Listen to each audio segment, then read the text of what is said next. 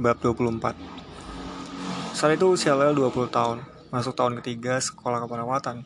Usia esok 22 tahun, baru saja menyelesaikan pendidikan level 5. Mariam tentu saja menyambar cepat ide liburan ke ibu kota. Dia juga dengan cepat menyepakati perjanjian tidak akan menggoda Lel soal esok selama di ibu kota. Mariam mengangkat tangannya. Aku berjanji. Tapi sebenarnya Aku tidak pernah menggodamu soal itu, Lel. Aku justru sedang membantumu. Kamu saja merasa itu. Lel melotot, menyuruh Mariam diam.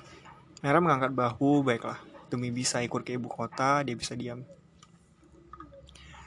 Satu hari sebelum jadwal wisuda, Lel dan Mariam berangkat naik kereta cepat. Mereka telah memesan hotel di ibu kota, bukan hotel bagus seperti saat mereka dulu mendapatkan penghargaan, tapi hotel ini lebih dari memadai, nyaman, dan yang paling penting dekat dengan universitas tempat wisuda esok.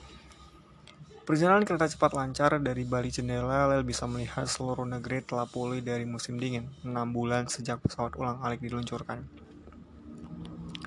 Hamparan sawah menghijau, beberapa robot terlihat bekerja membayar tanah, robot lain bergerak membersihkan gulma, juga mesin yang mengatur debit air. Kereta cepat juga melewati hamparan peternakan, ribuan sapi, kamera-kamera terbang yang mengawasi sapi.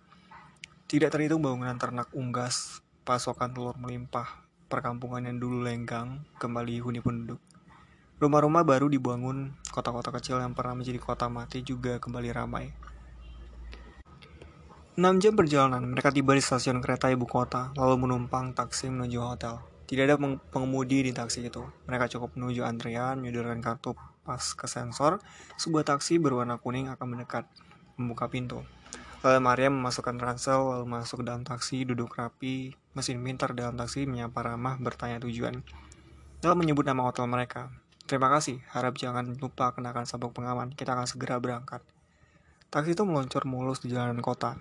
Lalu Maria menatap gedung-gedung tinggi, langit terlihat biru sejauh mata memandang. Warna biru yang sempurna, indah sekali. Apakah kamu bisa terbang? Maria bisa bertanya. Maaf Nona, bisa diulang pertanyaannya? Mesin pintar di dalam taksi menjawab, apakah kamu bisa terbang? Tentu saja. Semua mobil keluaran terbaru memiliki fitur itu. Bagus. Aku ingin mobil itu terbang menuju hotel. Mariam tertawa senang. Aku minta maaf, Nona. Protokol keselamatan penumpang melarang taksi untuk terbang, kecuali dalam situasi darurat, misalnya penumpang hendak melahirkan. Anggap saja darurat sekarang, ayo terbang sekarang. Aku minta maaf, Nona. Aku tidak mendeteksi adanya kondisi darurat. Ini darurat mobil. Lihat, Aku memegang lisensi kelas A sistem transportasi. Aku bisa menyuruhmu terbang. Mari memaksa. Aku minta maaf, Nona. Apakah Nona hendak melahirkan? Lalu terpingkal-pingkal. 15 menit mobil taksi itu merapat ke hotel tujuan. Maram turun sambil menggerutu, bawa tasnya turun. Bahkan mobil otomatis ini saja sama menyebarkannya dengan sopir bus rute 12 di kotanya. Mereka pun check-in meski lebih kecil hotel yang mereka pesan sama canggihnya dengan hotel yang. Yang dulu. Mariam punya pelampiasan kesalnya di kamar. Dia mengubah-ubah setting warna dinding, tingkat serangan jendela, bahkan termasuk mengatur empuk kerasnya kasur mereka. Memanggil fitur yang ditanam, untuk yang ditanam di dinding dan lantai, kemudian menyuruhnya kembali. Cukup dengan perintah suara, semua bisa dikendalikan.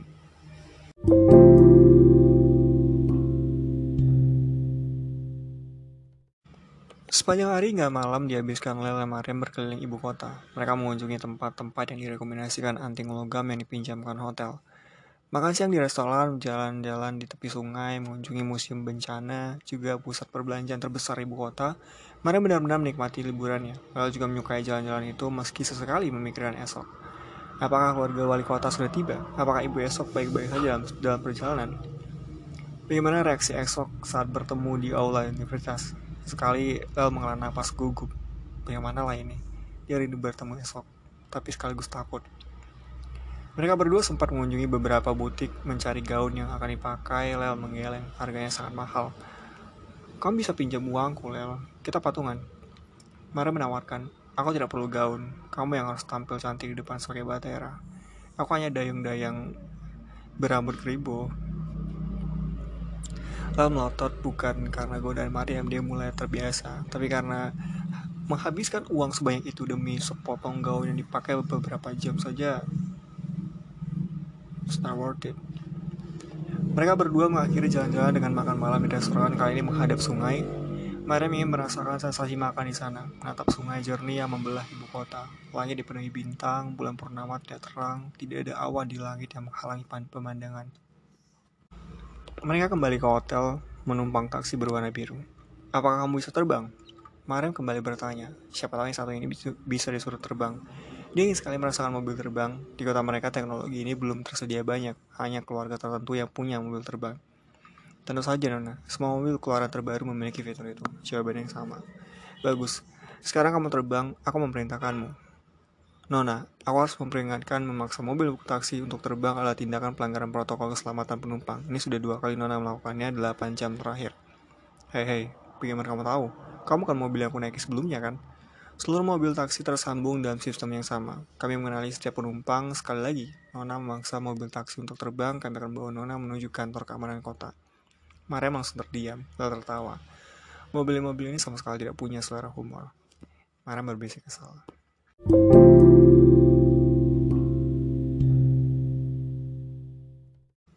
Hari sudah tiba. Lalu Maria bangun pagi-pagi bersiap-siap. Masalah gaun itu ternyata ada solusinya. Tanpa sengaja ditemukan oleh Maria yang sedang mengutak-atik setting kamar pelampiasan tadi malam setelah bertengkar dengan taksi. Mesin pintar dalam kamar memberitahukan informasi tentang pakaian yang bisa dipinjam dari layanan kamar hotel dengan membayar biaya sewa. Itu brilian. Maram tertawa, segera memilih dari layar sentuh berbagai jenis kain yang cocok untuk mereka berdua. Memilih warna, masukkan data ukuran tubuh mereka masing-masing. Data itu dikirim ke sistem jaringan butik ibu kota mencari gaun yang bisa disewa besok siang. Dua jam kemudian, gaun itu telah diantarkan petugas hotel. Dibanding Claudia, kita tetap kusam, Leo. Mara men mematut diri cermin.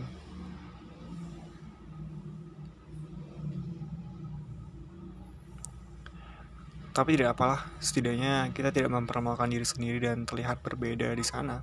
Lal mengangguk. Mereka berangkat ke kampus naik taksi, kali ini Mariam tidak berani membahas tentang terbang. Dia memilih memperhatikan langit biru tanpa awan. Lalu terlihat riang sepanjang perjalanan yang pertemuannya dengan esok setelah dua tahun. Karena tahun lalu saat penugasan di sektor 1 mereka hanya bersua lewat layar tablet. Dia sudah menunggu momen ini. Dia tidak sabar melihat esok, meski sekaligus cemas dan gugup membayangkan apa reaksi esok melihatnya.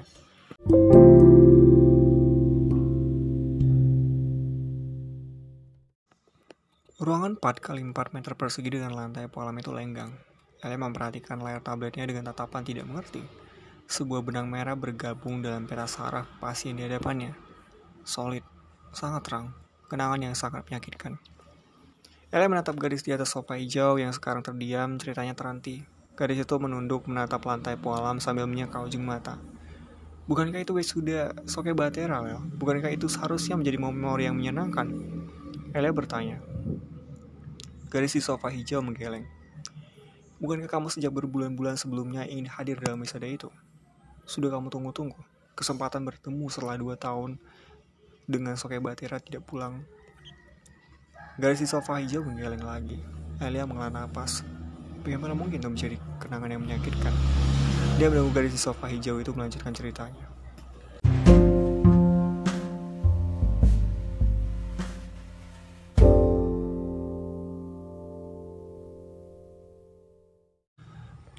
Bab 25 Setiba di Universitas Ibu Kota, oleh kota, istrinya Claudia dan Ibu Esok sudah menunggu lebih dulu di halaman aula tempat sudah berlangsung. Lel, kemari. Istri wali kota melambai saat pertama kali melihat Lel dan Mariam mendekat. Dia memeluk Lel erat. Halo Mariam. Wali kota menyapa Mariam di belakang. Kamu cantik sekali dengan gaun ini. Istri wali kota memuji. Lel tersenyum tersipu malu. Hai Lel. Claudia ikut memeluknya. Lel menyalami wali kota dan Ibu Esok. Bagaimana liburanmu, Mariam? Kalian sudah ke mana saja kemarin? Ibu Esok bertanya. Seru, Mariam tertawa. Kita harus segera masuk aula. Acara wisuda akan dimulai. Wali kota mengingatkan. Beramai-ramai mereka masuk kursi roda ibu esok dengan mudah menaklukkan anak tangga menuju aula lalu berjalan di belakang kursi roda menemani ibu esok. Aula itu lebih besar dibanding ballroom hotel. Ribuan mahasiswa duduk di kursi bagian depan, undangan duduk di tribun atau di kursi bagian belakang. Acara wisuda berjalan lancar, esok terlihat di depan sana mengenakan toga, menerima tabung ijazah, serta ucapan selamat dari pihak universitas. Esok bergabung dengan mereka setelah acara selesai, undangan masih ramai di sekitar. Selamat esok, kamu membuat bangga empat kakakmu. Ibunya mencium dahi esok. Aku tahu dia akan selalu membuat bangga siapa pun. Wali kota tertawa, menepuk pundak esok. Saat itulah Lel merasakan sesuatu yang baru di hatinya, perasaan yang berbeda, yang tidak pernah dia rasakan. Cemburu. Lihatlah, esok lebih banyak menghabiskan waktu bersama keluarga angkatnya, juga menyapa teman-teman sekampusnya dan yang membuat Lel semakin cemburu. Esok lebih sering berbicara dengan Claudia, berfoto bersama Claudia, bergurau dengan Claudia, tertawa. Mereka terlihat sangat akrab. Sementara Lel lebih banyak menghabiskan waktu dengan mendorong kursi roda ibu esok, berdiri menonton seluruh keceriaan. Saatnya makan siang. Ayo Leo, Mariam, kita menuju restoran merayakan kelulusan esok. Wali kota melihat layar kecil di pergelangan tangan, itu seharusnya menjadi makan siang yang menyenangkan. Restoran terbaik ibu kota, dengan chef tersohor. Keluarga wali kota sudah memesan satu meja besar. Makanannya lezat, pemandangannya menakjubkan. Hamparan Taman Golden Ring, kincir raksasa, sungai jernih, dan langit biru.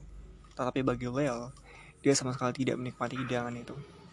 Di meja makan Claudia duduk di sebelah esok, sedangkan Lel jauh di seberangnya. Sepanjang makan siang, Lel hanya menatap Claudia yang banyak bicara, tertawa akrab dengan esok. Ini berbeda dibandingkan saat Lel naik sepeda merah, keliling kota bersama esok. Seluruh perhatian esok menjadi miliknya. Sekarang Lel merasa orang asing di meja itu. Tidak ada yang mengajaknya bicara. Cemburu, Ternyata kata itu sangat menyakitkan. Kamu baik-baik saja, Lel. Mariam yang duduk di sebelahnya berbisik. Lalu dia mengabaikan pertanyaan teman baiknya. Kamu terlihat pucat. Lel menyeka wajahnya sejak tadi dia hanya mengaduk-aduk makanan di atas piring. Makan siang itu hampir usai, tapi Lel sudah tidak tahan lagi. Dia berkata pelan kepada istri wali kota minta izin meninggalkan restoran. Ada apa, Lel? Wali kota langsung bangkit dari kursinya. Kepalaku sakit, Lalu berkata pelan. Aduh, kamu terlihat pucat. Istri wali kota mengaktifkan layar di lengannya bersiap memanggil bantuan. Tidak apa-apa, Bu. Aku mungkin hanya kelelahan. Aku harus istirahat sekarang. El berdiri lebih dahulu. Jangan, Lel. Aku akan memanggil dokter atau mesin otomatis medis. Mereka bisa memeriksamu dengan segera. Tidak usah, Bu.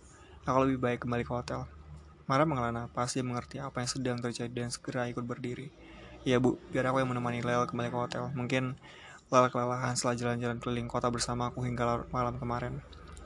Semen berada di meja besar itu sempurna menatap Lel. Istri wali kota terlihat cemas dan bingung. Bagaimana kalian kembali ke hotel? Kami akan menumpang taksi, Bu, kata Mariam. Tidak, Mariam. Kalian gunakan mobil kami. Itu jauh lebih mudah. Wali kota menggeleng mengerah, menyerahkan kartu pas kepada Mariam. Setelah tiba di hotel, mobil itu bisa kembali sendiri ke restoran ini. Mariam mengangguk, segera membimbing Lel keluar dari restoran itu.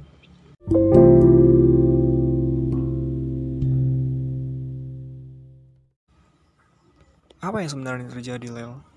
Mariam bertanya saat mereka telah duduk dalam mobil, memberitahukan nama hotel dan mobil milik wali kota melaju. Lel memilih diam. Kamu cemburu melihat Claudia begitu dekat dengan esok. Mariam tanpa basa-basi langsung mengatakan apa yang dia pikirkan. Lel tetap memilih diam. Astaga, Lel. Bagaimana mungkin kamu cemburu melihat Claudia dekat dengan kakak angkatnya sendiri? Aku tidak cemburu. Kali ini Lel menjawab. Kamu bukan pembohong yang baik, Lel. Mulutmu membantah, tapi wajahmu bilang sebaliknya. Matamu menunjukkan segalanya. Kamu cemburu. Del menatap Mariam tajam. Iya, aku memang cemburu. Lalu kenapa? Aku hanya dianggap patung di meja makan sana. Mariam menggeleng. Kamu salah paham, Lel. Sepanjang makan siang sepanjang bertemu setelah wisuda. Jelas sekali esok senang dengan kehadiranmu. Kamulah yang paling penting. Tapi dia bahkan tidak menyapa aku. Lalu berseru ketus. Dia bahkan tidak peduli sekalipun mengajakku bicara. Mara menepuk dahi. Tidak percaya melihat Lel tiba-tiba berseru marah. Dia memang tidak menyapamu, Lel. Tapi dalam banyak hal, kebersamaan tidak hanya dari sapa menyapa. Jika kamu bersedia memperhatikan wajahnya sekali saja saat melihatmu, saat melirikmu, kamu akan tahu. Esok ingin sekali bicara banyak denganmu. Kenapa? Tapi kenapa dia tidak bicara? Lel memotong. Karena dia tidak bisa melakukannya. Mana menjawab gemas. Saat selesai acara wisuda, bagaimana esok akan bisa bicara denganmu ketika teman-temannya ramai meminta foto bersama. Saat makan siang itu acara keluarga, Leo. Di sana ada keluarga angkat esok, wali kota, istrinya, dan Claudia. Juga ada ibu esok. Esok menjadi pusat perhatian, semua orang mengajaknya bicara. Tidak mungkin esok tiba-tiba menyuruh orang lain diam. Sebentar, Pak Wali Kota. Aku hendak bicara dengan Lel. Atau memotong percakapan dengan ibunya. Tidak mungkin, Lel. Dan saat dia tidak menyapamu, kenapa kamu tidak menyapanya duluan? Saat dia tidak mengajakmu bicara, kenapa kamu tidak bicara dengannya duluan? Kenapa membiarkan dia melakukannya? Tapi kenapa esok tidak memilih duduk sebelahku, lalu menunduk, bertanya dalam diam. Lenggang sejenak mobil terus melaju. Mara mengembuskan napas. Itu karena kalau dia lebih dulu meminta esok duduk di sebelahnya. Dia ingin bicara dengan kakak angkatnya. Bukan hanya kamu yang tidak bertemu esok setelah dua tahun. Urusan ini bukanlah aku sudah berkali-kali bilang. Kamu tidak ada apa-apanya dibanding Claudia. Gadis itu cantik, baik hati, dan sangat supel. Bagaimana kamu akan bersaing mengambil perhatian Sofia Batera jika bahkan sebelum melakukannya, kamu sudah mundur lebih dahulu? Cemburu, merajuk memutuskan pergi, membuat bingung semua orang. Ya tetap diam. Esok memperhatikanmu, Lel. Bahkan saat kamu tiba-tiba meninggalkan restoran, aku berani bertaruh. Esok ingin sekali mengantarmu agar dia bisa agar bisa beristirahat. Aku melihat ekspresi wajahnya. Dia cemas. Tapi dia tidak bisa, dia tidak bisa meninggalkan restoran itu. Itu acara perayaan wisudanya. Bagaimana mungkin makan siang akan dilanjutkan jika orang yang sedang dirayakan pergi berdua-duaan dengan seorang gadis yang muda sekali cemburu bernama Lel. Mobil pinjaman dari wali kota tiba di depan hotel. Lel Mashgul melangkah turun. Suasana hatinya tetap buruk meski Mariam sudah berusaha meyakinkannya. Sebentar, Lel. Mariam tadi sudah ikut melangkah turun kini kembali masuk dalam mobil. Dia teringat sesuatu. Saat itu pintu mobil masih terbuka. Apakah kamu bisa terbang? Mariam bertanya. Tentu saja, Nona.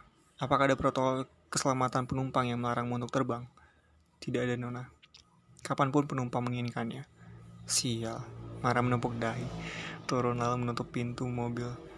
Kenapa aku baru tahu bahwa mobil yang satu ini boleh terbang? Kenapa tidak dari restoran tadi? Mobil sudah melaju tanpa sopir menuju restoran tempat perayaan sudah esok.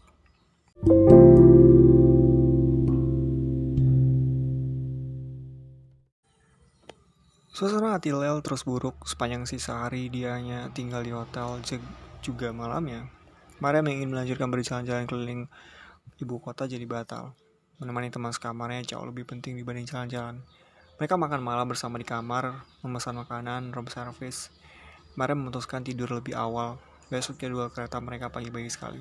Di ranjang sebelah, Lel memaksakan diri untuk tidur, meskipun kepalanya dipenuhi banyak pikiran negatif. Alarm membangunkan mereka pukul 5. Mereka berkemas-kemas masukkan pakaian di ransel, check out dari hotel. Mereka menumpang taksi ke stasiun kereta. Tiba di sana 5 menit sebelum kereta cepat berangkat. Langkah kaki Lel tertahan. Di peron telah menunggu esok, mengenakan topi biru. Selamat pagi, Lel. Esok tersenyum. Apa yang kamu lakukan di sini? Lel justru bertanya balik. Suaranya ketus melirik sekitar. Ibu dan keluarga angkatku sudah pulang kemarin malam. Jika kamu mencari mereka. El diam. Dia tadi mengira esok ke sini karena mengantar keluarga angkatnya, bukan untuk dirinya. Mariam segera beranjak menjauh, memberikan ruang agar Lel dan esok bisa bicara. Kamu sudah sehat? Del mengangguk pelan. Ekspresi wajahnya lebih bersahabat. Aku minta maaf saat selesai wawancara wisuda tidak bisa berbicara denganmu. Juga saat makan siang, seharusnya aku bisa menghabiskan waktu lebih banyak untukmu. Kita sudah dua tahun tidak bertemu, tapi Aku tidak bisa melakukannya. Tidak bisa menghentikan percakapan dengan wali kota ataupun dengan Claudia. Lala menunduk. Yang benar. Kamu masih marah? Lala menggeleng. Aku berjanji akan menebusnya di lain kesempatan lain. Meski tidak sekarang, esok terdiam sebentar. Ada banyak yang ingin aku lakukan, tapi tidak mudah. Pagi ini, aku harus melewati tiga lapis izin hanya untuk bertemu denganmu ke stasiun kereta selama lima menit. Izin. Lalu hendak bertanya apa maksud kalimat esok barusan, tapi peluit lebih dulu terdengar pelengking. Tanda semua penumpang harus naik ke dalam kapsul. Bye Lel, selamat jalan. Bye esok. Lel mengangguk. Mariam juga ikut melangkah, naik, menoleh ke arah esok. Top yang keren, oke. Esok tertawa melambaikan tangan. 30 detik, kapsul kereta cepat melesat meninggalkan stasiun kereta, meninggalkan ibu kota dengan suasana hati yang jauh lebih baik.